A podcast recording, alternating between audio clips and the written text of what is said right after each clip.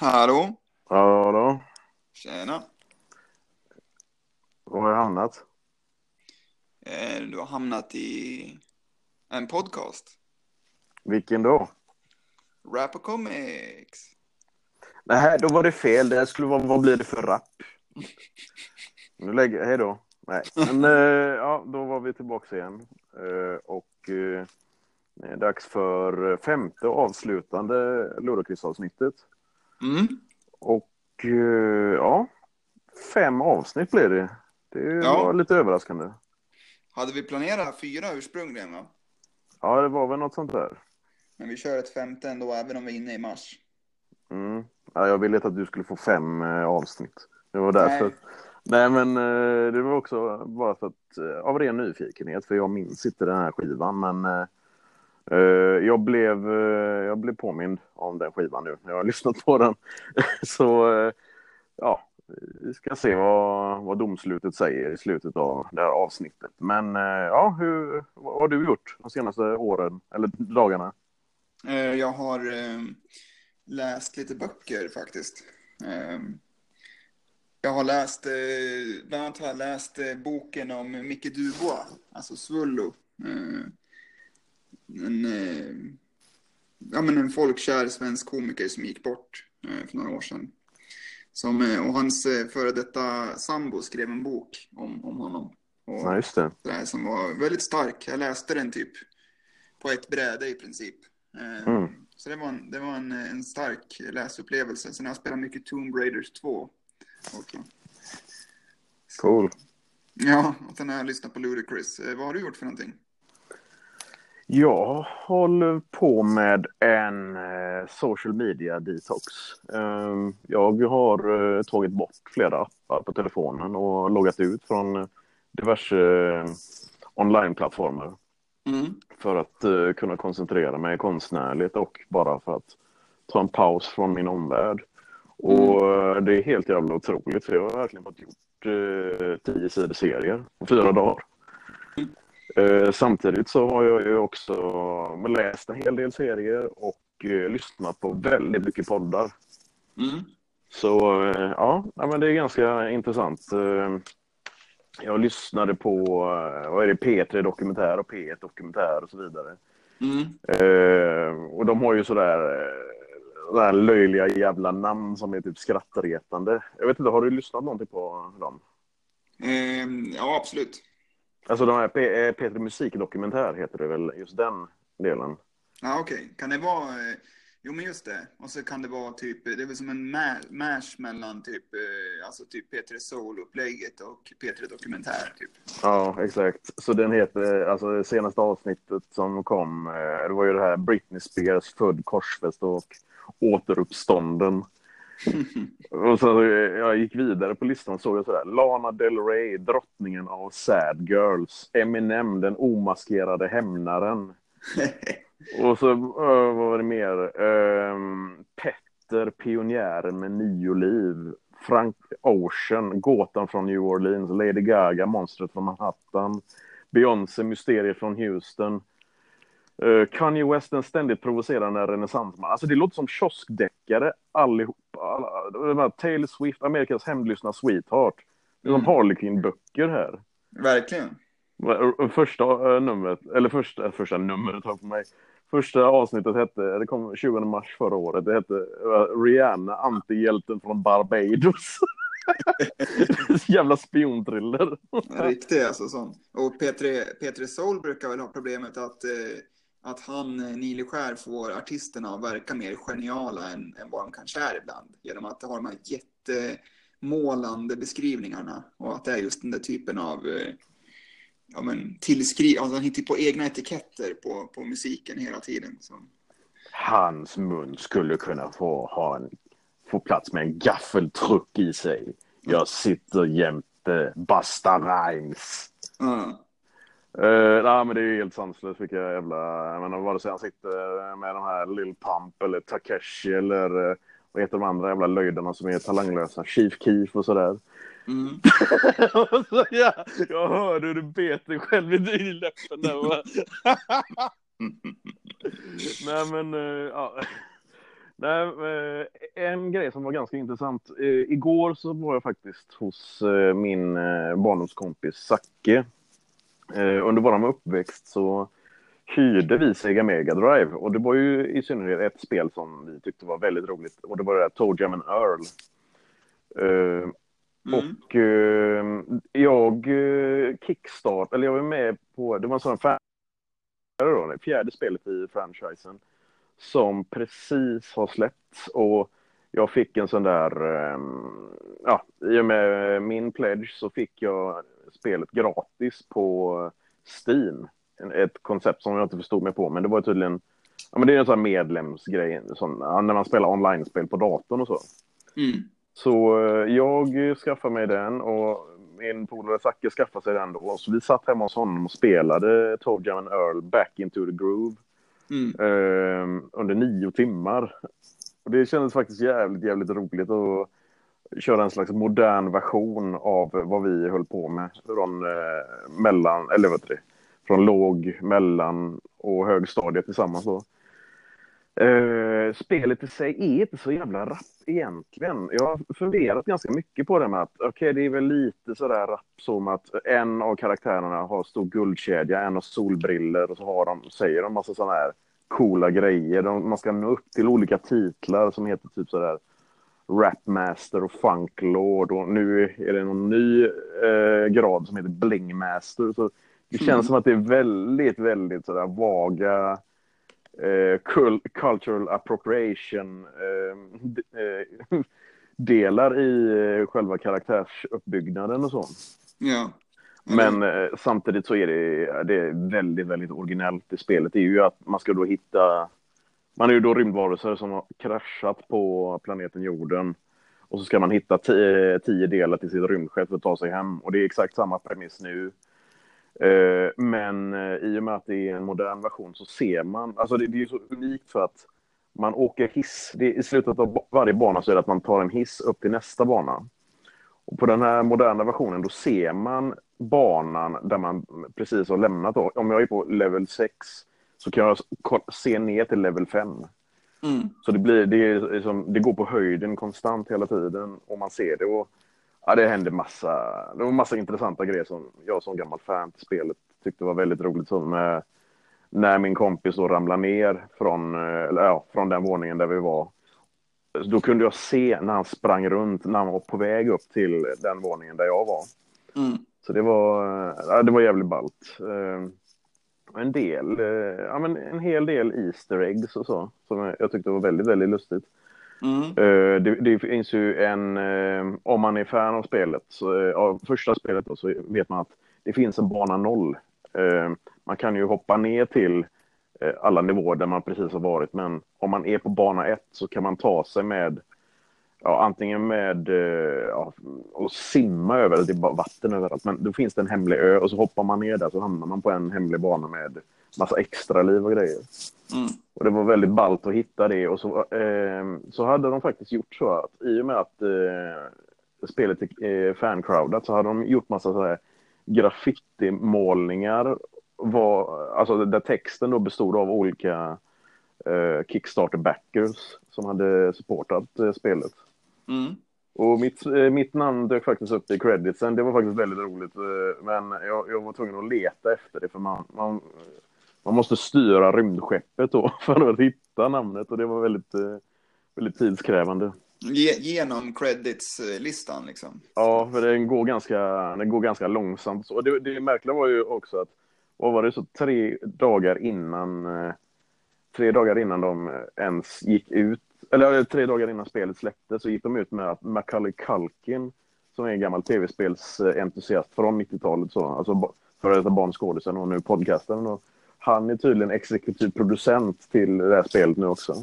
Mm. Så han, eh, han, eh, alltså han förekom faktiskt i, det är en ny funktion där man kan ropa på varandra, typ så. Och då är det hans röst som man hör då. Mm. Väldigt slappt uh, voice-actat. Men, men visst är det kul ändå att han, det känns som att han är inne på någon slags revansch, liksom turné nu i karriären. Liksom. Att han, han liksom deltar med självdistans och spelar typ sig själv eller liksom omvärldens bild av honom som som den här före detta eh, barnskådisen liksom, som eh, hamnade på villovägar. Men nu han, han var ju med i något sånt här, eh, liksom, Angry Video Game Nerd, det är en sån Mm. populär YouTube-serie och de gjorde just en special om Home Alone-spelen som finns. Just det. Då är han med där liksom och jävligt kul liksom. Men då är, han, är, liksom, han, han funkar ungefär lika dåligt som Lloyd Kaufman gjorde när han var med i Trauma-avsnittet. Men det är ändå väldigt roligt att se de här, de här liksom, eh, profilerna liksom, dyka upp på en, en, ändå en sån alltså, icke-proffsig miljö. Alltså, så här, de ställer antagligen upp helt gratis på det här. Och liksom, ja, men ger ganska mycket till. Jag tycker Lloyd Kaufman-avsnittet var roligt. Han är Men- lite så här farbror som försöker, som testar tv-spel för första gången. Och så där, att han, Ja, nej, men det var ju därför det var roligt. ja, Ja, du, du gillar att se dina gamla idoler eh, smula sönder. Ja, han sitter så au, oh, aj, oh, oh, liksom så här som att han liksom... Ja, det är nej, fantastiskt roligt tycker jag. jag tycker det var jävla pajet verkligen. Mm. Ehm, men ehm, ja, nej, just det. Han har ju gjort en hel del. Alltså hans, hans podd, eh, jag gillar den faktiskt. Eh, däremot så eh, han som man pratar med, som tydligen är, är sån jävla fjant med. Det är så, han försöker hävda sig själv för att han intressant liv som Macaulay Culkin. Mm. Så han, eh, han tar nästan över liksom, ja, eh, programledarrollen. Han, han, han, tar över, han tar över helt nästan så. Mm. Det, det är jävligt tråkigt att lyssna på. Uh, får se. Har du läst något mer utöver uh, Svullos bok? Ja, jag läste ju, pratade ju förra veckan om att kolla upp den här Peter Bagg-serien, den här uh, Apocalypse-serien. Så jag läste första numret. Och Mm. eh, tydligen, jag hade ju glömt av det, men det handlar ju typ om att eh, Nordkorea bombar USA. Liksom, att, de, att de spränger bort Seattle, typ. Eh, så det är ju lite intressant eh, grundpremiss för serien och sådär. Så jag läste första delen där och det, det ju, var ju liksom ganska bra. Det var, var ju rätt spännande där att det plötsligt sker en sån där katastrof som är ganska svår att greppa för de här två huvudpersonerna som är på väg ut i vildmarken för att typ jaga tillsammans under en helg eller något sånt där. Och det börjar ju liksom med att de eh, möter alltså så här, folk som kör som dårar uppe i bergen där och undrar varför. eh, Liksom, det, varför de gör det. Mm. Och sen så, så kommer de till någon eh, så här, bensinmack där de ska här, fylla på ja, men, bilen med bensin och även köpa mat för, för helgen. Liksom. Och så blir det någon skottlossning där och grejer och då får de reda på vad det är som har hänt av hon som jobbar där i, i, i affären. Liksom, och så. så då liksom, eh, ja, sen, sen ja, men bunkrar de ju upp med grejer och åker upp till den här stugan för att gömma sig i princip. Eh, eller så här, hålla sig undan. Eh, med den här skräcken då att det kanske kommer bombas ännu mer. Mm. Eh, Så det var ju rätt, rätt intressant, väldigt unikt för en sån tecknare som Peter Bagg att göra en sån serie. När, eh, när, när kom den? Ja, jag var det någon gång runt, alltså så här, efter millennieskiftet någon gång. Jag är Mm. lite osäker, men jag kan tänka mig typ 2005 kanske, något sånt där. Okej. Liksom, det, men det schyssta var ju att den är i svartvit, eller i svartvitt, liksom lite så här gråskalefärg, färglagd och att det är mycket så här, alltså skog och natur. Han är ganska skicklig på att rita granar och sånt där. Och liksom så. Man har ju mest sett eh, så här, New Jersey-förorter och Seattle-gator i hans serie tidigare. Det är mycket tegelsten. Det är Ja, mycket. Sådär, så att, eh, ja, trottoarer gillar han. Det, är, Ja. det känns som att det är mycket trottoarer när han ritar.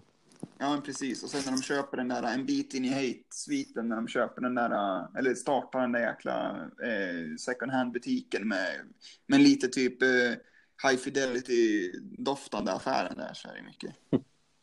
Men eh, ja, nej, så det är hyfsat lovande. Eh, ska väl ta igenom med resten av numren, det är väl sex nummer så där, som Dark Horse släppte. Också ganska unikt. Oj. Så, ja, nej, men det är väl det jag har läst. Vad har du läst för någonting? Eh, ja, just det. Ja, jag skulle komma in på det. Uh, angående det där uh, t- uh, Told You and Earl Back to the Groove-spelet som jag körde. Eh, estetiken är ju då, de har hämtat väldigt mycket från just uh, Nickelodeon, Rocko's Modern Life och så vidare. Och just Peter Bagg. Ehm, och det här fick mig, alltså det var av en ren slump så kollade jag upp den som jag, jag snackade lite om det här Megalomanical Spiderman som han gjorde då, eh, 2002. Mm.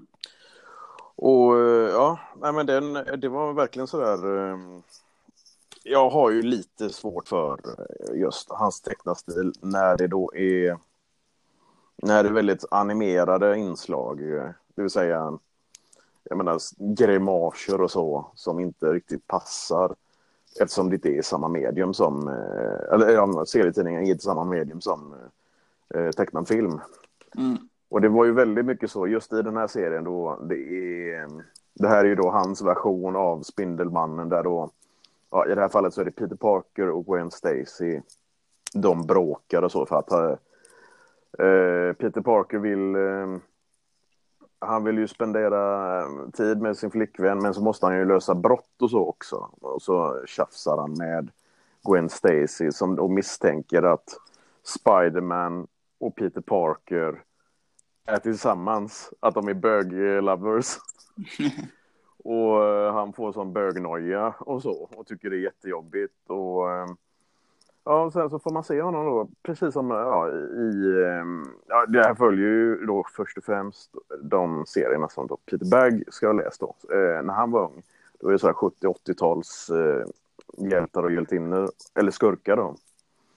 Och eh, ja, han kör en massa sina vanliga eh, kaxiga one-liners när han jävlas med folk. Men samtidigt så ser man hur, samtidigt som han säger det här till eh, skurkar som Green Goblin och eh, Dr. Doom och Venom och så vidare, så eh, ser man också en tankebubbla där han får sån där, han känner social ångest. Att det är nästan tvångsmässigt att han måste säga någon kaxig one-liner.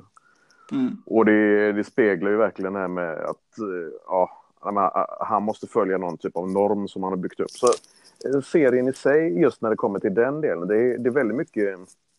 Den punkterar ju väldigt många av de här superhjältetropsen. Det är ju en, eh, en sekvens där när han, eh, han bråkar med, vad är det, Dr. Octopus. Och sen så är det bara att han, han skiter i att besegra honom och bara går därifrån. Och då är Dr. Octopus blir ju jättearg. Han står bara stilla. Vad fan håller du på med? Nej, jag skiter i det här nu. Jag går härifrån. Mm. Uh, och uh, det är ändå jävligt, uh, det är ändå jävligt lustigt att se det. det är, alltså, serien slutar jävligt, alltså i mitten så är det Jonah Jameson får reda på att Peter Parker är Spindelmannen. Och då eh, får han för sig att ah, men jag måste testa dräkten. Och samma dag ska Spiderman gå och få en, vad är det då, en, en, en tapperhetsmedalj av presidenten eller något sånt där. Mm. Och det, det talar ju ganska mycket för sig att det är 80-tal för att det är eh, Ronald Reagan som är presidenten som eh, delar ut medaljen. Mm. Men precis då när, eh, när han får medaljen så ser man eh, någon på eh, ja, men det är något hustak med, med någon sniper eller något sånt där. Jag tror fan det var Peter Parker själv, men då, då ska han skjuta Spindelmannen. Och då ställer Spindelmannen framför, eller då är det Jonah Jameson, framför den här eh, presidenten. Va? Och skydda presidenten, Spiderman. Och så skjuter de och så dör Spiderman. Så då dör han offentligt samtidigt som Peter Parker var skiter i och han, han eh, lever sitt liv med Mary Jane och uh, eller Mary Jane, eh, med Gwen Stacy och det enda han gör, liksom, enda gången som han sätter på sig dräkten är när han ska ha har väldigt tråkigt eh, relationsaktigt, eh, vad, vad, hur säger man, Nej, när han ska knulla kort sagt. Mm. Ja, så den var, den var ju väldigt, den var väldigt sådär medelålders bitter i slutet också. Det kändes väldigt roligt så att det var som att han spottade hela, hela Spiderman-hypen 2002 eh, i ansiktet. Jo, men visst kom den väl precis i den, han, han har ju ofta gjort sådana, han gjorde väl någon Matrix-serie också när det var väldigt populärt och grejer. Mm. Så att han, ja. Nej, och sen är det ju kul att se Spiderman tecknad på ett väldigt cartoonigt sätt. Jag tycker det är faktiskt ganska snyggt. Ja, ja, jag föredrar ju nog då Spider-Ham i så fall. Nej, det gör jag absolut inte. Mm. Eh, jag, jag, gillar ju alla de här som har kommit så här eh, ja, på senare tid. Så. Alltså, speciellt då Marvel när eh, de eh, anställde nya. En serie som jag inte uppskattade särskilt mycket, det var ju... Eller jag, jag, jag gillade den, men jag gillade den inte heller för att den, den var lite för bryta fjärde väggen. Det var eh, Gwenpool som handlar om, eh, ja, det är ju en tjej som, alltså från början så var det, ja men det föreställer Gwen Stacy att det är en tjej, eller Gwen Stacy som Deadpool, men då blir det istället att ja, men det är en tjej, en tjej som heter Gwendolyn Pool som läser Marvel-serier och ramlar ner i en serietidning och känner alla karaktärer helt plötsligt. Uh, den är ju tecknad av en japansk duo som heter Guruhiru. Och det är, alltså den är fan sanslöst snyggt tecknad. Uh, det är bara att den är så fruktansvärt dåligt skriven. Uh, mm. Men ändå så fortsätter jag liksom bläddra i den när jag får chansen. Det är ju nästan, jag vill ju nästan ha en sån figur bara för att det är Gwenpool, men serierna suger verkligen. Det är för mycket, eh, vad ska man säga, ja, men fjärde väggköret och så ska det vara så popkulturella referenser. Det får jag tillräckligt av i andra typer av eh, stories, där de gör det bra mycket bättre. Jag vill inte mm. få det nedkört i halsen, då kan jag lika gärna läsa vanlig Deadpool. Mm. Men, eh, eller så kan man läsa något helt annat, eh, för eh, jag läste ju också, vad fan läste jag min Marvel? Jo, jag läste Superior Spider-Man, bläddrade lite i den, för den har ju startat om på nytt. Det var ju sådär, det, det gick ju, var det 700 nummer av Spider-Man från 60-talet framåt. Och det var i nummer 700, där helt plötsligt så dog han i Dr. Octopus kropp. Eh, Dr. Octopus höll på att dö i cancer. Eh, Octopus gör ju då så att Peter Parker han byter kropp så att Dr. Octopus fortsätter leva fast i Peter Parkers kropp och han beslutar sig för att bli den, alls, eller vad det, den, den övermäktiga Spindelmannen som är bra mycket tuffare. Och, ja, så gick det sådär, vad var det, 12 nummer eller någonting och sen så har den startat om på nytt då. Men nu har ju då Superior Spiderman startat om på nytt och Dr. Octopus är inte Dr. Octopus längre. Han heter Elliot Tolliver. Han har ju han har ju bytt kropp nu igen till någon ung, eller ja, hyfsat ung eh, forskare, bara för att kunna hålla sig frisk och kry. Um, ehm, och det var, det var intressant att se så, eh, liksom att gamle Dr. Octopus i en yngre mans kropp.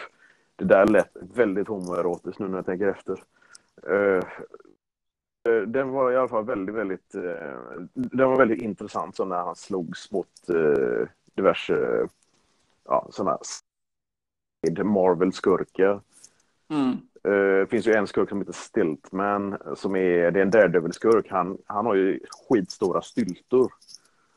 Och det är en av de fulaste jävla designsen jag någonsin sett. Alltså det är, han är, han är en sån slags rånare och han går på styltor. Och här är det då Spindelman som ska slåss mot honom. Och han säger någonting i stil med ha ha ha, du är inte Spindelmannen för Spindelmannen vet att hans nät inte funkar på min, eh, mina styltor. Och då sa han, jag är inte Spindelmannen, jag är Superior Spindelmannen. Så mm. han har någon speciell skit i nätet och bara sänker honom så att han ramlar och slår sig. Och bara, jag kunde ju dö, dött av det där. Nej, det var, det var, vet, eller det var matematiskt uträknat. Du, du kunde inte ha dött för att det är matematiskt geni. Så han har ju sån jävla övertro på sig själv, den här jävla Octopus eh, Spindelmannen, eller Superior då som han heter.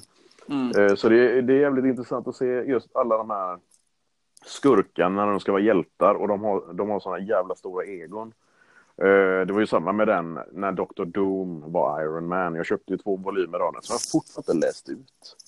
Mm. Men nej, det är väldigt kul att de liksom blandar upp det så. Det är bra mycket roligare än till exempel ja, DC Comics när de gör den här jävla Batman Who Laughs som bara är någon jävla ja, vad ska man säga? Ja, men det är någon jävla Cenobite Hellraiser skräckgrej bara. Mm. Uh, jag, jag, såg faktiskt till att bläddra fram den här uh, Ruin World, den här barnserien från Boom Studios. Uh, eller Kaboom, som är barnversionen då. Och det, är ju, ja, det var ju det där med eh, en räv som heter Rex och en gris som heter Pogo och de hittar en skattkarta. Och det är medeltid och det är bara antropomorfiska djur. Och så kommer det en en tjuv eh, som heter Barry, han är en, eller en gräshoppa eller någonting. Och han verkar då tillhöra ett rövargäng som består av en stor björn, en varg och eh, en, eh, ja det är någon, något annat djur, jag kommer fan inte ihåg. Eh, men de snor i alla fall kartan. Och då får Rex och Pogo hjälp av en ung kvinna som är, eh, men hon är någon slags eh, vad ska man säga? Nej, men en stråtrövare. Hon är jävligt duktig med svärd och kniv. Men grejen är att hon är en ekorre, så hon är ganska liten. Eh, och eh, ja, i senaste numret så är det... Jag har hela tiden... Nu var det ett tag sedan jag läste det, men jag har hela tiden försökt komma på vad den här tecknarstilen ser ut som. Och det är först då när de springer in och hamnar mitt i ett krig mellan en grodklan och, som heter, eh, vad heter de, The Dengus Island eller något sånt där. Och så är det The Warriors of Finra som är någon, ja, de är fiskar då. Och då slår det mig, fan det är ju Zelda Wind Waker det ser ut som. Mm. Så eh, ja, det var väldigt, eh, det var väldigt intressant att läsa och bara liksom kunna koppla det, det här till en, en tecknarstil, eller vad man nu ska säga. Nu, lite svårt att säga det angående animationsstil. Så. Eller animationsstil, det är väl det lättaste. Mm. Uh, ja, och sen så, uh, ja, Derek Glassman är det då som tecknat den. Och då, nu har jag läst nummer tre och nummer fyra och nummer fem som kommer snart, det är tydligen sista numret. Och det är lite tråkigt, de skulle kunna fortsätta för resten av uh, året i alla fall, för det var, den är så pass rolig att läsa. Mm. Och ja, det är väl lite, och sen har jag bläddrat lite lite andra serier också, men ingenting som är värt att nämna. Men det har blivit en del, inklusive spelande och tecknande. Mm. Och på den vägen är det. Yeah. Nu är det, är det dags att rulla ut Ludacris till eh, ja, hans, hans kölapp. Eller vad ska man säga? Det är hans tur att uh, steppa in och eh, det är hans tur att steppa in hos psykologen eller vad man nu ska säga. Ja, eller hur. Bara man kikar på omslaget här så är det ju någon slags eh, skifte eh, rent tematiskt som, som sker. Eh, det är ett riktigt emo-omslag. Alltså. Vi pratade lite om det i slutet av förra avsnittet också. Han sitter typ och ser ut som han har huvudvärk eller någonting. Vad fan? Jaha, okej. Okay. Jag tyckte han såg ganska han ser sammanbiten ut men ändå, man ser bekymrad ut. Ja. Och sen så har han eh, klippt sig också. Det är väl det absolut eh, tråkigaste. Ja, det har väl jämförts med att eh, Busta Rhymes gjorde också en sån eh, klippa av sig dreadsen eh, grej. Eminem också. Eller han klippte av Busta Rhymes dreads. Ja, just det. Han tog bort det blonderade håret eh, mm. strax, eh, ja, någonstans här. Mm. Och eh, ja, men det är många som försöker komma på, vad är det, ja, försöker hitta sin moderna, sitt moderna utseende. Och Ludacris mm. grej var ju bara att bara hämta rakhuvud, eller rakapparaten. Mm. Precis. Uh, ja, nej men och ska vi börja direkt hoppa in i, i på spår, på introspåret uh, här? Uh, Nej, just det. Vad, Just, vad heter den nu? Ja, det är introt här. Det är den här, de har loppat... Uh, just det. Uh, de har ju loppat, det, det är något brassband av något slag. Sen så är det någon, något barn som pratar där igen och det slog mig. Det låter ju exakt som den ungen mm. som pratar där. Så det måste ju vara, det måste vara Carman Bridges som du sa där. Mm. Eh, det som talar emot det, för jag lyssnade om den skivan bara för några dagar sedan, det är ju att det barnet säger “We'll let our nuts hang”. Och jag tycker det är så jävla... Det låter fel att han låter sin tre, fyraåriga dotter säga “Vi låter våra pungkulor hänga”. Mm. Det är äckligt. Ja, det är lite... Det, det, det är lite perverst. Ja. Men eh, min första tanke var ju, för jag, jag var ju fylld eh, av oro inför det här, men alltså, fan det låter ju bra. Jag tycker liksom så här, det här funkar ju absolut. Redan vid introspåret så, så tycker jag att eh, det båda gott liksom. Han kör... försvinner rätt rejält. Han kör ju samma fras som han inledde första skivan med. I be that n-ord named Luda. Mm. Så jag menar det är ju, det, det är några få sådana här markörer som man använder för att eh, ja, visa att det fortfarande är Ludacris. Men vi har ju en skiva som i stort sett saknar skits, som saknar liksom, det här som varit världsbyggandet runt ja. hela. Det är som introt är väl, det är väl det närmaste då med att att barnet pratar och att han eh, då säger det i början då. Och sen så har man det där Röster på stan-inslaget på första låten också. Det är ju så här typiskt. Jag Mm. menar, första, vad heter det, Coming to America och You got a problem och så vidare. Mm. Så det- Så det är ju ändå, eh, än så länge så känner man igen sig. Ja, precis. Eh, ja, kort. Eh, det känns som att det är en kort skiva förhållandevis också. Den är i och för sig runt en timme lång, men alltså 14 spår bara. Men det är för att han har kuttat bort skitsen liksom och att de inte har egna nummer eller sådär. Mm. Eh, nej, så jag är väldigt nöjd med introt. Jag tycker också han låter fortfarande liksom hungrig liksom och sådär och nästan har ett lite högre röstläge än tidigare så att nej fan, det är, jag har svårt att hitta några fel här och, och lika när spår två slår igång där med Grew Up a Screw Up med, med Young Jeezy som är väl kanske lite otippad, eller det, det är väl inte särskilt otippad artist egentligen. Men, eh, men ändå ett nytt, någonting nytt att höra tillsammans med Ludacris. Han är väl svinstor under den här tiden va? Ja, eller hur? Också en Atlanta-rappare. Och var väl, var väl han som störst då. När han undrar om han hade fått släppt den här eh, Thug Motivations med hans eh, stora eh, magnum opus får man väl säga. Hans stora magnum opus. Ja, men han, han har små, stora, nej, men hans stora liksom verk. Eller den som Det är, det är väl, det är, om det är hans första, jag vet inte om det är hans första skiva, men är, han måste ha släppt någonting på gatan innan. Ja, 2005 ser det ut som att han släppte den Thug Motivation. Så då har, den, då har den varit ute i ett år. Vad fan. Och, eh, just det, jag tror till och med att han hänvisar till några rader från den på den här låten också. Så att, eh, ja men fy fan. Nej, det funkar ju bra. Eh, Mm. Det är tungt alltså. Han som är Snömannen, var det va? Mm. Ja, han har ju snögubben där. Är det, vad är det, vilken är hans stora hit? Ja. Eh, Jag minns att det var svinmånga som verkligen lyssnade på honom, vill jag minnas det som. Jag kan inte, eh, det enda jag kan komma på är sådär, okej, han var med på någon jävla Kanye West-grej där. Uh, wait till I get my money right, haha, säger han då. Och sen Mm. yeah, sa han ofta. Ja, han har ju, precis, han har ganska störiga overdubs liksom. Eh, Mm. Nej, men, och jag har ju alltid tyckt också att han har varit den, eh, den svaga utav de här Atlanta liksom, knarkentreprenörerna. Och han, han och Gucci Mane har ju liksom bråkat. De började ju som kompisar och sen blev de ju dödliga fiender. Eh, verkligen. Och, eh, och om man jämför med typ Rick Ross är ju inte från, han är väl från Miami, men alltså ändå liksom alla de där tycker jag, då tycker jag alltid Jeezy har varit den svaga i gänget på något sätt. Så, Mm. Ja, jag, jag har ingen koll, verkligen. Det är, eh, han, eh, han ser bara ut som vilken jävla skolkande mobbare som helst i stort sett. Jag har ingen koll på honom. Nej.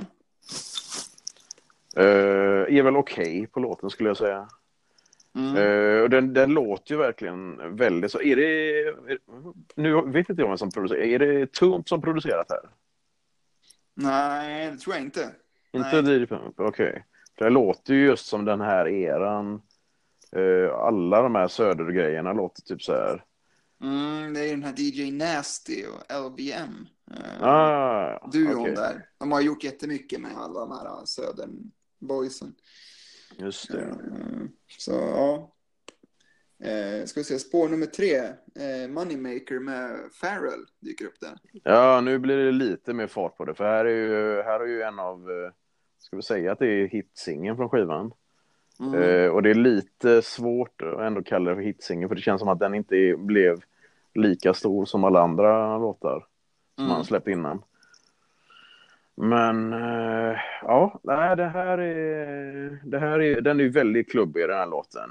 Och Mm. det är lite fart på den också och eh, lite så här, ehm, vad ska man säga, Ludacris trademark med att eh, Eh, eller ja, fan, vad, om det här var första singeln, jag funderar inte på, eh, om det är det så eh, stämmer det nog eftersom eh, det är ju breaket där innan tredje versen. Då säger de typ sådär eh, release therapy, viskar de. Da, da, da, da, da, release therapy på samma sätt som we're in the red light district.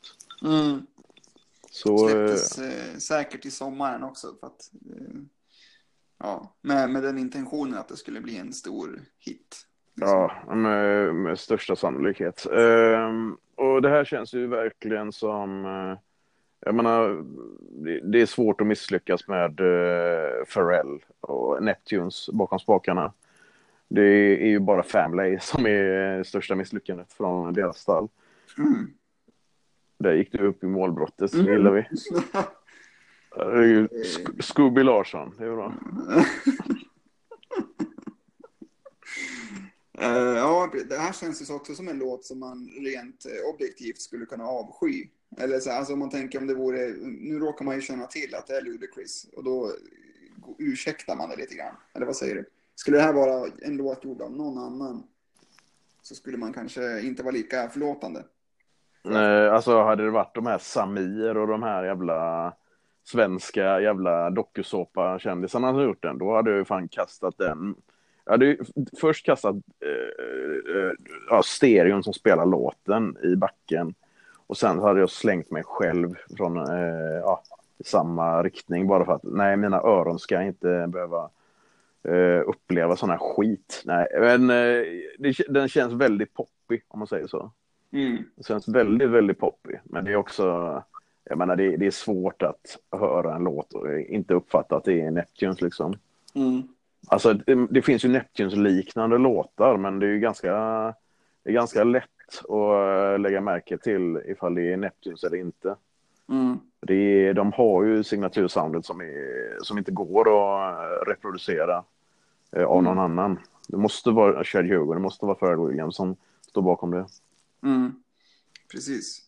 Eh, och medan de håller sig på rätt sida om stängslet ändå på den här låten så går ju Ludacris nästan åt eh, Just Lose It-hållet på spår fyra den här. eh, Fan, du var verkligen tvungen att säga Just Lose It. Fy fan! Bara för att han säger I'm gonna make you dance. Ja, Oh my fucking god, du gick dit. Robin, nej! Jag har ju lärt dig. Jag har inte lärt dig någonting, men, nej, men nej, fan, I'm gonna make you dance. Fan att du sa det. Nej, jag är så besviken nu. Eh, Fast det, det är en jävligt uh, smart spaning. Det, det, den är väldigt, väldigt dansant, den låten. Och det är... Det, jag, det, det känns ju som en jävla Pussycat Dolls-låt. Det känns så jävla långt ifrån Ludacris. Det känns ju som att, okej, det, det, det här är en sån låt som eh, eh, en popgrupp har på sin skiva och så kommer en rappare, som exempelvis Ludacris, och lägger en, eh, en gästvers på 16 bars. Eh, det har ju han gjort på till exempel ja, Baby med Justin Bieber. mm. Och eh, Yeah med Usher och Lil Jon. Mm. Eh, två väldigt stora hits faktiskt. Eh, men eh, att höra en rapplåt som är så här. Det, det, det sticker i mina öron faktiskt. Jag, eh, den här är, det här är bottenskrapet på skivan skulle jag säga. Inte riktigt bottenskrapet men den tillhör liksom bottenskiktet skulle jag säga. Mm. Ja, är alltså väldigt besviken på att det går åt den här riktningen. För att, eh, vad är konceptet på den här skivan är ju då att det ska vara eh, alltså en dels en del som han kallar för release, där det är liksom bara dansa av sig. Och en som heter therapy, som då är liksom, nej men då ska han snacka av sig, eller ta, ja, snacka ut Mm. eller tala ut. Och det här är förmodligen från, både den här och Moneymaker ut, eh, eh, utgör ju då release-delen. mm. Och det här är, nej men det, det här är skval. Jag gillar verkligen inte den här låten. Nej, och tyvärr kan man väl säga samma sak med spår 5 också. Ah, oh. eh, den var ganska lovande så på papper. Första gången jag hörde den så kände jag liksom att wow, det är ändå jävligt, jävligt rolig idé. För att eh, du känner till samplingen, antar jag. Mm. Eh, jag nu kommer inte jag ihåg namnet på artisten. Är det inte Eh, den där Benny Benassi eller? Så var det ja, just det. Jag har tänkt på det hela dagen men jag har inte velat, i och med att jag inte använder interweb så bara nej. Nu använder jag internet när jag spelar in det här men eh, Satisfaction, den här jävla Svenne-dunk-låten. Det är så verkligen brak-Svenne-kalas. Eh, cirka 2004-2006. Eh, MTV, kontro hyfsat kontroversiell MTV-videon. Det är ju den med de här eh, kvinnorna som de står och håller i verktyg. Mm. Och eh, ser väldigt eh, sexuellt utmanande ut. Satisfaction, push me, och så vidare. uh, alltså alltid när jag ska härma uh, beats och sådär i det här jävla uh, podden så blir det så jävla Kommer du ihåg, vad fan var det förra eller förra, förra veckan när det var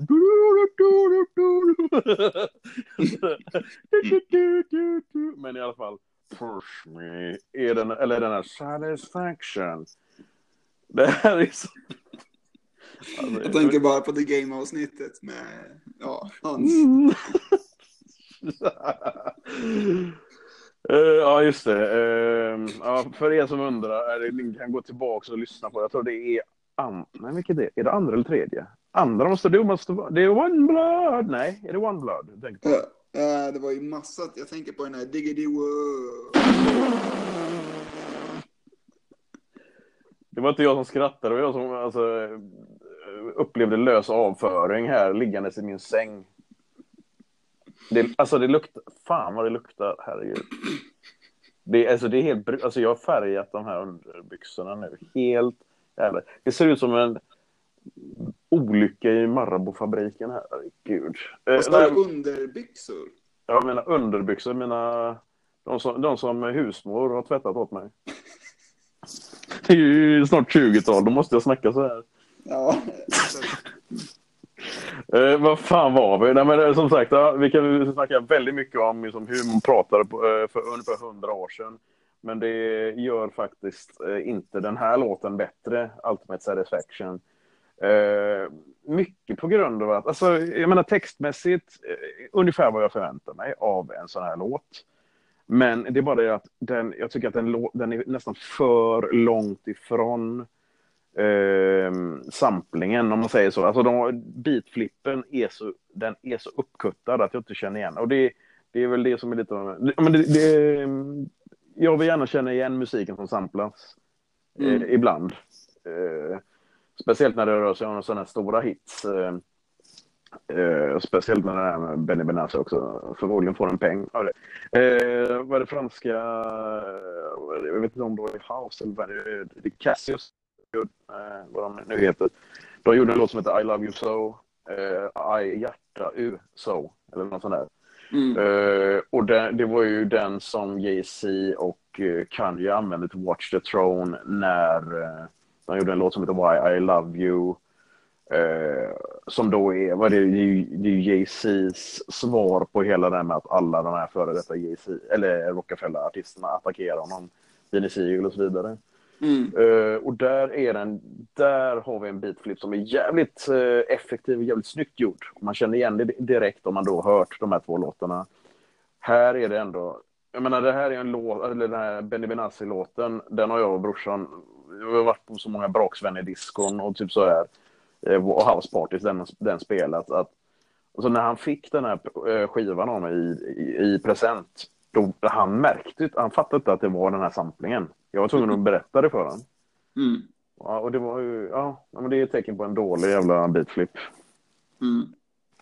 Ja, tyvärr är det så. Ja. Sen så kanske källmaterialet inte är så jävla bra heller för den delen, men ändå, vad fan. Mm.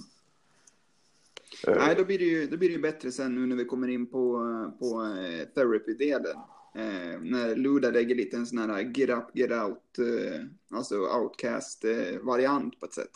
Man slänger ut en prostituerad menar du? Mm. Alltså, nej. Okej, okay, när man hör att du fnissar då vet man, okej okay, nu har jag sagt fel sak igen. Oj, oj. okej, okay, vi fortsätter. Eh, ja, men vad tycker du om låt eh, nummer sex?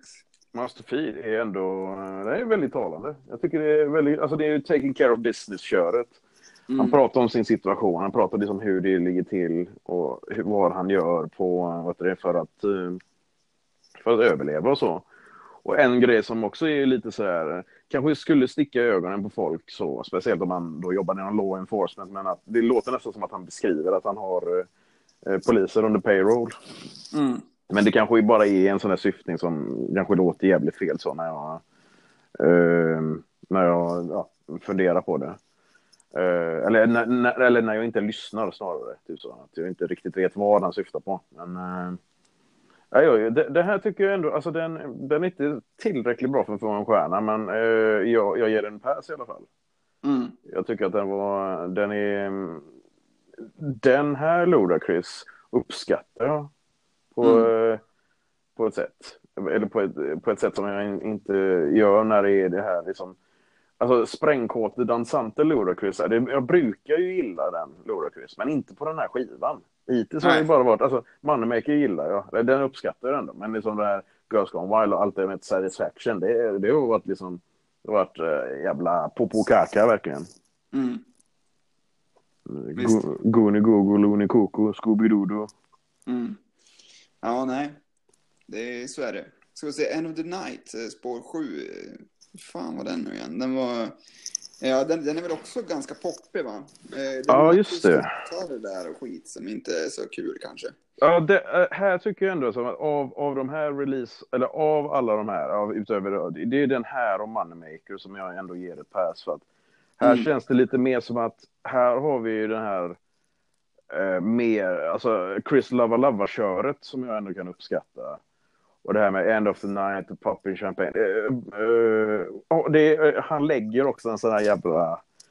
En sån där en traditionell punchline som väldigt många rappare använder. Let's get it popping like Orville Redenbacher. Alla jävla rappare som någonsin, från USA som någonsin skrivit en punchline har alltid lagt Let's get it popping följt av valfritt popcornmärke och han väljer naturligtvis Orville Redenbacher för att det låter som Get It Poppin. Mm.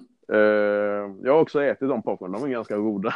det är som att rappa om OLV. Uh, eh, men uh, beatmässigt, det är sådär klassiskt sådär gitarr R&B, sådär radiokör. Men så har man den där stegrande keyboard-slingan som jag tycker är väldigt... Uh, den, är, den är lite halvhypnotisk skulle jag säga. Så den, den gör ganska mycket av det här. Eh, att jag ger denna låten en pass.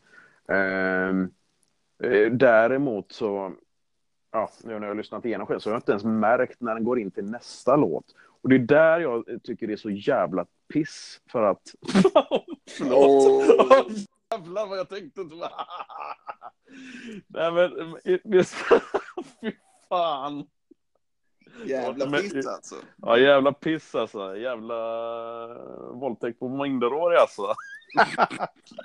jävla sexuellt tvång alltså. Jävla tortyr alltså. I alla fall. Det var inte det jag skulle säga. uh, nej, men att jag inte märker att jag gått över till nästa låt för att uh, End of the Night och Woozy, det är ändå samma typ av textmaterial i dem. Uh, och jag menar, och här är det ju som här om då Bobby Valentino med på End of the Night och sjunger och doar. Och på Woozy, då är det ju då ja, anledningen till att vi då skrattat åt, åt jag, jag råkade säga pissig där. Det är ju Robert Sylvester Kelly. Mm. Äh, alltså um, numera känns som eh, amerikanska musikvärldens svar på Volvo 740 utanför dagiset. Mm. Uh, det, och det, det bitet är svin, alltså trummorna, är, det känns som att det är någon grundinställning på någon jävla Casio-synt och så är det som mid-piano där. Svintråkig, mm. alltså den är verkligen värdelös. Vi har ju recenserat skivor med låtar där uh, Kells, uh, The Pied Piper of R&B uh, Sexbrottslingskingen, där han liksom, gör bra ifrån sig det vill säga att han inte våldtar ett barn. Alltså, fucking you tonight. Uh, that's that shit. Uh, fan, det finns så många jävla låtar som vi har hört med honom där han gästat. Där han faktiskt är duktig. Där han mm. faktiskt visar som att han är, eller i alla fall var, en kompetent musikkalv. Eller påläggskalv för en, en smörig rb sång mm. Ja, men så är det ju. Och den, är, alltså den här är Woozy. Det är en, fan jag håller på att säga pisslåt igen. Det är en skitlåt. Mm. Ja, och, men, den, men ändå med den här, alltså, det är som man eh, textmaterialsmässigt är det ju som man sitter och rodnar genom hela låten. Liksom. Jag, jag, alltså jag, har aldrig, jag har aldrig kunnat... Eh, i och med att jag är brunhudad så har jag aldrig kunnat eh, relatera till det här med att rodna. Jag blir mer bara som att jag blir en steaming pile of brunsås när jag hör den här låten. Jag blir bara arg. Det är som jag, jag kokar över, så jävla mm, provocerad blir jag av den här låten. Alltså, och i vanlig ordning, om man ska prata om refränger inom eh, jävla hiphop. Nu kommer den. nu kommer den veckans, eh, veckans säng, som alltid. Fan vad jag saknar jävla Nate Dogg. Ja. Nate Dogg är, alltså fan, jag skulle kunna dra en golfklubba rätt i huvudet på den här jävla sexbrottslingen. Mm. Som nu har friats, hörde du det? Mm. Jag läste det i Aftonbladet. Fan, jag läste så mycket skit i Aftonbladet nu va. Uh, jävlar, jag, jävla Luke Perry. Det är, var fan läskigt. Ja, verkligen. Uh, jag vet inte fan hur han ens fått det och nu jag känner bara nej, nu, ska jag dra ner på alla mina jävla laster bara så att jag blir som honom. Det vill säga avdankad och kör Riverdale. Nej, det var inte det jag menade. För att jag får en stroke, det var det jag menade. Men mm. jag läste att R. Kelly ska ut och liksom turnera nu i baltstaterna. Och det är det enda ja. jävla, det är de enda länderna, och så Singapore, det är de enda länderna som vill ha honom. är det med folk, herregud, så vidrigt. Mm. Eh, vet du vad som stör mig? Det är att vi, jag har inte lagt en enda stjärna hittills. Nej, eller hur? Eh, det är trist. Men eh, det kanske säger ganska mycket om vad jag ändå... Alltså nästa låt skulle jag nog säga, ja, men det här är nog min första stjärna. För att det är mer real talk på samma sätt som Mouths to Feed. Fast där eh, han går lite mer på djupet. Det kommer ju två låtar på rad här som verkligen är... Å andra sidan tre... Nej, nej men jag skulle säga det är en fyrlåtssvit. För att här är det ju som terapi ordentligt. Ja, och här ljusnar ju skivan faktiskt upp. Om det någon gång gör det under lyssningen så är det ju här som det blir eh, alltså värt att, att, att, ta del av låtarna. Det, eh, han är lite ekonomirådgivare, Luda, här nästan på spår 9 med, med hur allting funkar och sådär. Men det, är ju liksom i positiva ordalag ändå. Eh, men spår 10 skulle jag säga är blir det ännu bättre på. Så, ja, ja, för fan. Den är ju den är ju riktigt jävla tung. Och det, är, mm. det är nog det mest real av allt. Och sen så det var ju, hur ligger den där konflikten till? Me losing a battle that's ludicrous. Någonting så ska Tia har jag sagt någon gång. Mm. Och så var det väl någonting med att eh, Loda blev sur över att eh, andra artister i södern kallar sig för King of the South. Mm. Och eh, ja, det är så legitima anledningar till att uh, hata en människa. Mm. Det är perfekt. Det är ungefär som din och min relation. fan. Nej, jag skojar med dig Robin. Annars så hade jag uh, sagt upp vänskapen för länge sedan. vad, vad fan var vi nu då? Nej, uh, men som sagt, War with God är väl en det är ingen, det är ingen disslåt, men det är en svars... Eller det är en slags... Alltså den är, det är på samma sätt som Toy Soldier var. Mm. På samma sätt, alltså bara... Eh, vad hette NAS-låten som han gjorde mot... Eh, var det Cormega och de här? Eh, Destroy and Rebuild eller något sånt där va? Mm, det så bekant. Eh, och eh, ja, ja men det, det här är ju liksom en slags... Ja, in, nu vill inte jag ordvitsa för mycket nu när jag ändå sagt pisslåt om en R. Kelly-feature, men uh, War with God, att det här är någon slags krigsrapport från ett pågående krig då, och då att det är mellan Ludacris och uh, ja, hans eh, konkurrenter. Mm. Ja, han pratar väl mycket om det här med att, eh, att bragga om drogförsäljning och, och våld i texter och sådär och sånt. Eh, och eh, ja, han ska ju bråka med T.I. över det här. Och T.I. var ju väldigt, han är väl känd för att vara en riktig sån här hothead. Eh, och lätt att reta upp. Och lätt att hoppa till conclusions liksom. Så, så, så är de. Men eh, ja, nej, men eh, den är tung. Eh, sen nästa spår är jävligt intressant, den här Do Your Time, som är en låt om att sitta i finkan i princip. Jag hade glömt av gästerna på den här. Det var ju helt, alltså det är ju bara jailbirds och det är så jävla roligt. Ja, verkligen. Eh, alltså jag var ju sådär, eh, vad, vad heter den nu? Den heter eh, When I get, nej vad heter den? When I get out. Let's get out. Släpp fångarna loss. Vad fan heter den? Den har, ju, den har ju någon jävla titel. Vad fan är Oj, Robin, vad, vad, vad, gick, gick du hem? Robin, hallå?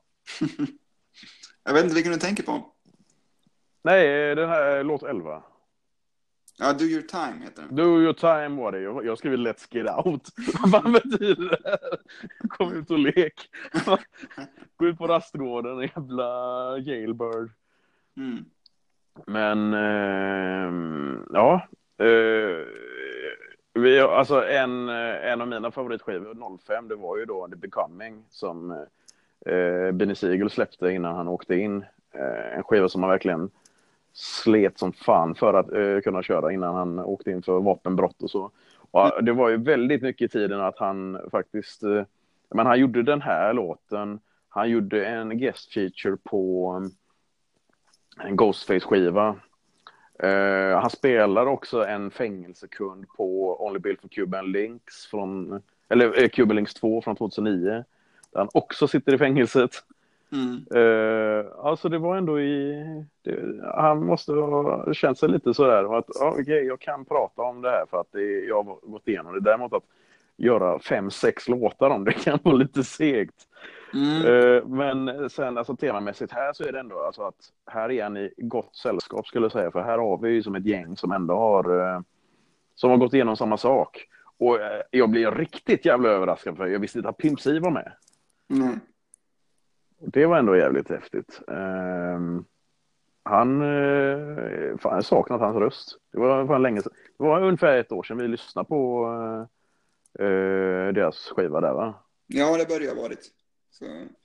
Och han dog ju bara ett år efter det här. Ja, det var, jag tyckte det var kul att se ändå att han var med på en Ludacris-skiva, för det var nytt för min del också. Att det Mm. hann hända liksom, det hann äga rum. Så, ja.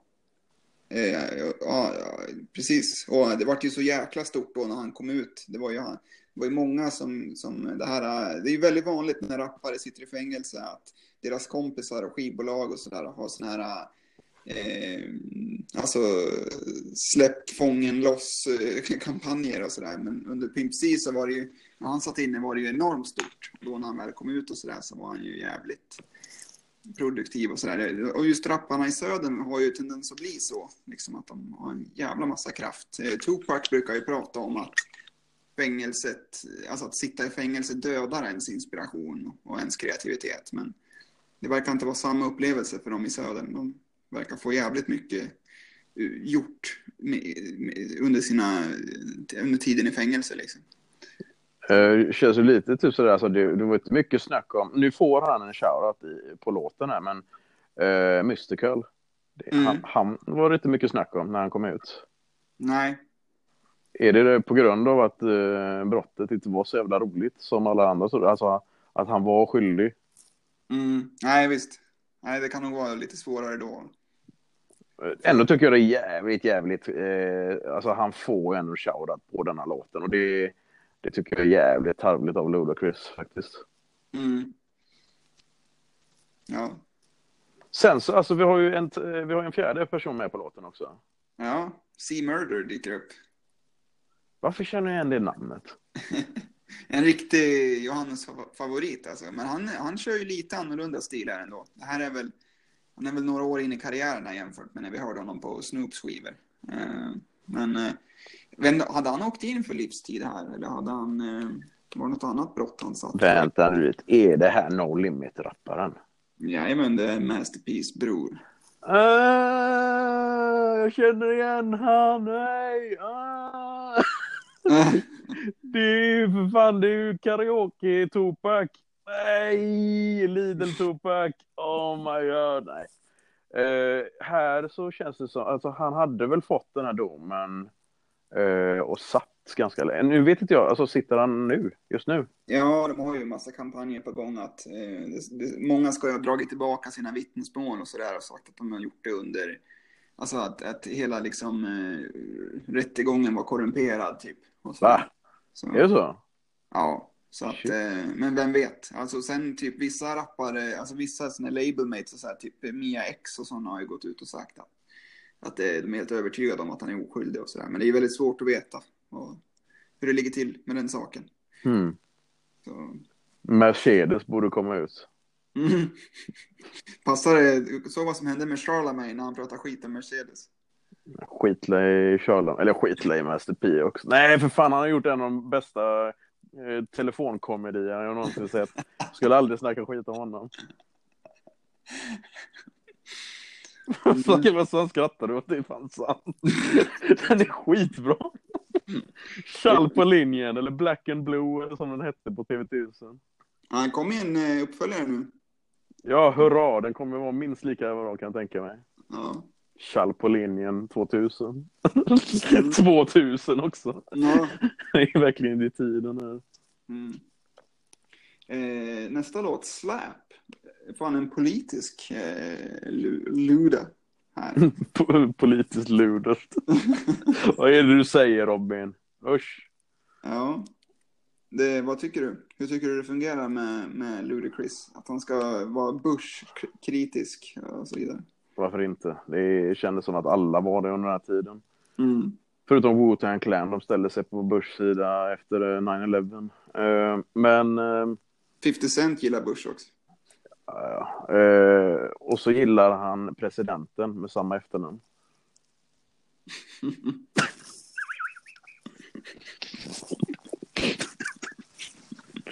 Han röker på Bushweed. Det var inte ens det jag syftade på. Fy fan, jag ska på. Ja, i alla fall. ehm, för er som undrar så kommer jag från en... eh, Ja, det var inte. Jag höll på att säga att jag kommer från en fattig familj. Det var inte riktigt det jag skulle säga heller. Jag kommer, ehm, det var några dagar sedan som jag var med om min första bombning som stand-up-komiker också. Så att jag, försöker, jag tar ut alla mina... Eh, all min smärta på stackars Robin här. Han är liksom den hönsade husfrun som jag avreagerar mig på. Så eh, bara så ni vet, det här är inte på riktigt. Det här är bara på låtsas. Det här är som en del av showen. Fick vi det sagt? Så Robin kan jag få gå hem nu?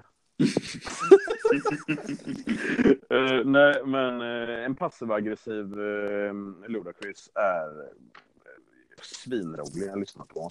Och den är, han är så jävla melodisk även om han är så arg. Han, alltså, det är, han biter sig i, i tungan för att bara förhindra att han begår något våldsbrott. Mm. Och det är fan, det kan jag ju relatera till. Det kan förmodligen du också relatera till så många gånger så, när vi spelar in den här podden. ja. Ehm, nej, men uh, stjärna faktiskt. Mm. Jag är, ganska- det känns jävligt överraskande att säga, men det, det här är fan en stjärna. Mm. Eh, vad tycker du om eh, nästa låt, Runaway Love? Är det också en stjärna? Eller? Oj, det här är svårt. Eh, det här är väldigt svårt. Ehm, jag kommer ihåg när den släpptes. Jag kommer ihåg när jag hörde skivan eh, första gången och den här låten då att wow, shit, kan han skriva på det här sättet? Mm. Eh, väldigt överraskande. Sen så såg jag ju då, eh, alltså textmässigt, väldigt mörkt. Eh, ehm, angående um, stackars tonår, eller inte bara tonåringar, men barn som bara lämnar hemmet på grund av hemska eh, familjeförhållanden och så. Mm. Men jag såg ju faktiskt, eh, var det eh, MTV Music Awards när de uppträdde med den live och Ludacris lägger den fantastiska jävla adliben eh, live till de snygga tjejerna i publiken. Jag vill att ni vill run away med mig. Det är inte riktigt det, är inte tidpunkt för att säga det eh, när du framför en sån låt, Loda. För helvete. Mm. Eh, och det blev ju det blev lite ramaskri då angående det här med att okej, han kanske inte är så jävla smart ändå. Men eh, han är ju relativt obrydd när det kommer till eh, ja, eh, sådana här saker. Mm. Eh, men ja, även om det var väldigt klumpigt sagt så tycker jag att det är en väldigt stark låt. Eh. Och den, är, ju- den framstår som ett unikum om man då tittar på resten av hans eh, katalog. Så är den ju väldigt, väldigt annorlunda. Mm. Eh, det här är ju nästan så här, alltså det är ju det här är ju en sån låt som jag eh, hade, alltså jag kan tänka mig att det här är en sån som hade typ spelats på sådär rockklassiker eller vad man nu säger. Nej, men den typen av crossover-potential hade den låten. Jag vet inte hur bra det gick för den kommersiellt, men eh, det, det är nästan det är nästan... Eh, det var nog faktiskt väldigt viktigt för honom att han fick ut den här typen av låt. Mm. Mm. Ja, den är bra. Eh, hade nästan kunnat få tag i slut skivan här tycker jag. Med den här låten. För den sista är väl inte dålig, men den är lite, en lite så här kyrkokörs-outro. Eh, ja, sätt. och det har vi ju redan fått så. Alltså, typ, till exempel Keep It On The Hush på andra skivan. Mm. Den tyckte jag, och den, den gillar jag verkligen. Uh, här är det lite samma kör, fast inte lika effektivt. Uh, sen så tycker jag att han, prästen, som får lite överfeeling och ska snacka och han, han mässar som fan. Det är förmodligen en, en autentisk eh, gospel, eller sån kyrkopräst då, eller pastor heter det väl. Och han tjattrar lite väl mycket, tycker jag. Mm. Och, det, och det gör mig att, men jag, jag, fy fan, jag vill inte höra den här skiten. Uh, när jag hör låten så, så känner jag ändå att okej, okay, men det är lite safe landing, typ så, när man är i Ludacris land för den här gången. Uh, jag uh, tycker väl att den här resan var lite annorlunda, men, nej, men den, den, avslutas ändå på, liksom på ett, en plats som man är hyfsat bekant med. Mm. Ehm, vad ska man säga om skivan i sig? Det är ju... Slamdunks har vi varit med om. Vi har varit med om slamdunks som um, Back for the first time, Word of Mouth, uh, faktiskt också enligt mig då, uh, Red Light District. Mm. Uh, en, jag skulle nog kalla Chicken and Beer för Jump Shot ändå, någonstans. Mm. Eh, däremot så vet jag fan vad jag ska säga om release therapy sen när jag lyssnar på den. Det finns en hel del, alltså säg att det här är en, det är kanske en god assist så. Nu när jag ändå är inne på den här jävla sportbollmetaforen eh, här. Uh, men uh, nej. Jo men alltså delvis, men säg att det är en, det är en, det är en, bra, en god passning till ett, ett bra mål möjligtvis. Mm. Ja, för visst det är inte ett bottennapp. Det var ju det man var rädd för att det skulle vara. Alltså att det verkligen skulle bli en sån här total krasch. Men det är det ju inte. Och, alltså bitvis. En, det hade ju definitivt kunnat bli en bra EP av de bra låtarna på den här. Men eh, eh, sen också, det är liksom en, en, han har liksom valt en annan eh, väg på något sätt. Som eh, faller en mindre i smaken kanske. Men som ändå, jag tror att han lyckades ganska exakt med det han tänkte att han skulle göra här. Så det finns någon slags stilsäkerhet ändå i det. det, det han är ingen förvirrad artist på det viset, Ludacris. Han vet, han är nog väldigt medveten om vad han vill göra på något sätt. Samtidigt så, uh, alltså det är också att han, uh, om man tittar på förra skivan med att han redan gjorde reklam för Release Therapy två år innan den släpptes. Så att han mm. liksom hade den, liksom, han, han, han var redan på gång med den skivan. Också emellan de här skivorna så släpptes släpptes ju DTP, var det Disturbing the Peace samlingsskiva också. Mm. Med bland annat den här Georgia som var en stor hit. Han eh, samplade Ray Charles. Mm. Och, eh, och sen så hela det här, eh, vad hette den här Player Circle var ju med på den och No Folk och I, I20 eller I20 Shona och så vidare. Mm. Um, så jag menar, det, är, det känns ju lite som att han, han verkligen jobbat väldigt, väldigt mycket på att släppa en skiva som är så annorlunda från hans övriga material. Samtidigt så är det att den sticker ut så mycket så att man, det, det, är väldigt svårt att ta in det som fan. Men ja, vi, fan, det, det, är ändå viktigt att den finns, den här skivan. Mm. På ett sätt. Uh, nu har vi ju så, uh, ja det här var ju då femte skivan, eller femte avsnittet vi gjorde va? Det var? Mm. Mm. Så nu är det ju, vad har han nu kvar? Han har bara, um, hur många, alltså är det tre eller är det fyra skivor som är, är kvar i hans jävla um, lista? Ja, det, det, är ju tre minst. Han gjorde ju den här uh, Theater of the Mind, Bell of the Sexes, Ludaversal. Burning Bridges alltså, var väl någon EP av något slag? Ja, Burning Bridges och emellan där släppte han också Conjure mixtapet för att hypa den här eh, konjaken han släppte.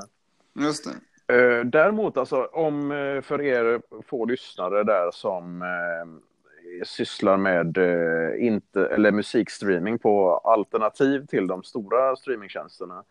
Eh, leta upp Ludacris pre-release therapy som är mixtape han släppte innan.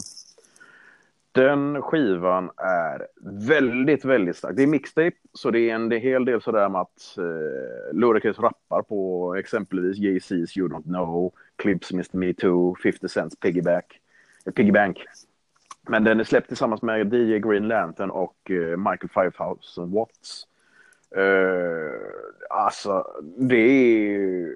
Om man vill höra en skiva där Ludacris kör hiphop cordables på en hel skiva, då ska man lyssna på den. För eh, ja, men han är i gott sällskap också. Vi har ju som David Banner, eh, Busta Rhymes, Play Circle, Jada Kiss. Hela Disturbing the Peace är med på en låt och Four Eyes som var med på beatbox-låtarna. Han gästar den Disturbing the Peace-låten. Mm. Och sen så det är absolut, eh, det, det är absolut sjukt också eh, den här, alltså hans eh, före detta skivbolagsboss på Def Jam South, Scarface. Han är med. Mm. All. Dirty, All Dirty Bastard med, en av de sista låtarna han gjorde. Jäklar. Ja. Så eh, ja, den är, den är väldigt, väldigt, eh, eh, väldigt eh, lyssningsvärd, eh, kan jag säga. Om, om ni hittar den. Eh, Play Circle är ju också, vad är det, Dollar Boy och Titty Boy. Titty Boy går sen och blir Two Chains. Och jag tror att det här är, det här är precis innan han väljer bort det namnet. Så är han med på den här skivan. Mm. tror till och med han säger det på skivan där också. Ja, jag är osäker, men eh, ut och leta efter den om ni har, eh, om ni har lust att lyssna på mer Ludacris. För vi är som sagt färdiga med Ludacris för den här gången. Sen får vi se ifall det blir eh, ja, någonting i, fort, i framtiden. Mm. Ja, precis. Så eh, nu så inleds eh, din födelsedags, eller födelsemånad. Eh, vil- vilket datum var det du fyllde nu igen? 17 mars. Ah, Norges nationaldag. Är det så alltså? Skämten haglar väldigt, väldigt eh, sällan på den här podden för det är, jag, jag har ju fan ingen funny bones. Herrejävlar. Eh, nej, sjut- 17 mars. Eh, och eh, ja, innan dess så ska vi lyssna på, ja det kommer vara fyra, fyra stycken eh, avsnitt där vi lyssnar på fyra skivor. Och eh, vi börjar med nästa veckas skiva, eller nästa söndags skiva. Vad blir det för någonting? Ja, jag har, ju, jag har ju inte hunnit funderat så jäkla mycket än. Så, här, så att jag, har, jag har några spånade lite snabbt nu innan här. Det är så jävla svårt för att det är många skivor som man skulle vilja prata om, men de är ofta en del av att vi har en planerad eh, trilogi eller fyra spårsvit, eller fyra avsnittssvit planerad framöver och sådär. Så jag funderar lite på om man skulle kunna köra någon sån här eh, det finns ju några artister som egentligen bara har en klassisk skiva. Så jag funderar på om man skulle åka tillbaka till östkusten. Och eh, köra kanske mm, Jerry the Damages, eh, The Sun Rises in the East kanske. Oh my god! Vad tror du om det? Funkar det? Jeru alltså, profeten. Yeah. Oh shit, ja men vi kör. Ja, fett. Åh nej, då måste vi lyssna på Come Clean också. Jag svär, svor att jag aldrig mer skulle lyssna på den låten. Nej men fan vad fett. Ja, men, eh, ja, vi, vi kör fan på det där. Ja, ja men fett. Och, och eh, som sagt, eh, ja, min, eh, min eh, social eh, network detox pågår fortfarande i mars månad. Så eh, ja, Robin får försöka att eh, han får försöka eh, som typ hypa det på Facebook. Alltså när jag lägger upp den här så skickas det automatiskt till Twitter utan att jag har gjort någonting. Men eh, ja, det, det kommer ändå finnas ute på alla kanaler och så vidare. Bla, bla, bla. Mm, Ni, hittar, ni som lyssnar, ni hittar det jävla avsnittet ändå. Jag vill inte säga någonting. Det är som Yeah. att vi är på iTunes eh, försälj- eller lyssnarlista ändå, men vad fan, vi, vi kommer tillbaka nästa vecka med Jerry the Damager. Inte som gäst i programmet, utan som eh, temat. Sunrises in the East, but we can still get peace in the West. Boom. Nej. Peace in the West sa han, inte boom. Okej, okay, men eh, vi ses nästa vecka och eh, som sagt, rymdskepp har inga backspeglar och eh, Luke Perry dö för fan inte för jag vill inte se massa gråtande vackra CW-skådisar sörja dig på internet. My, my dick can only get erect so much hard. So hard, i alla fall. Um, det var ett långt jävla outro. Mm.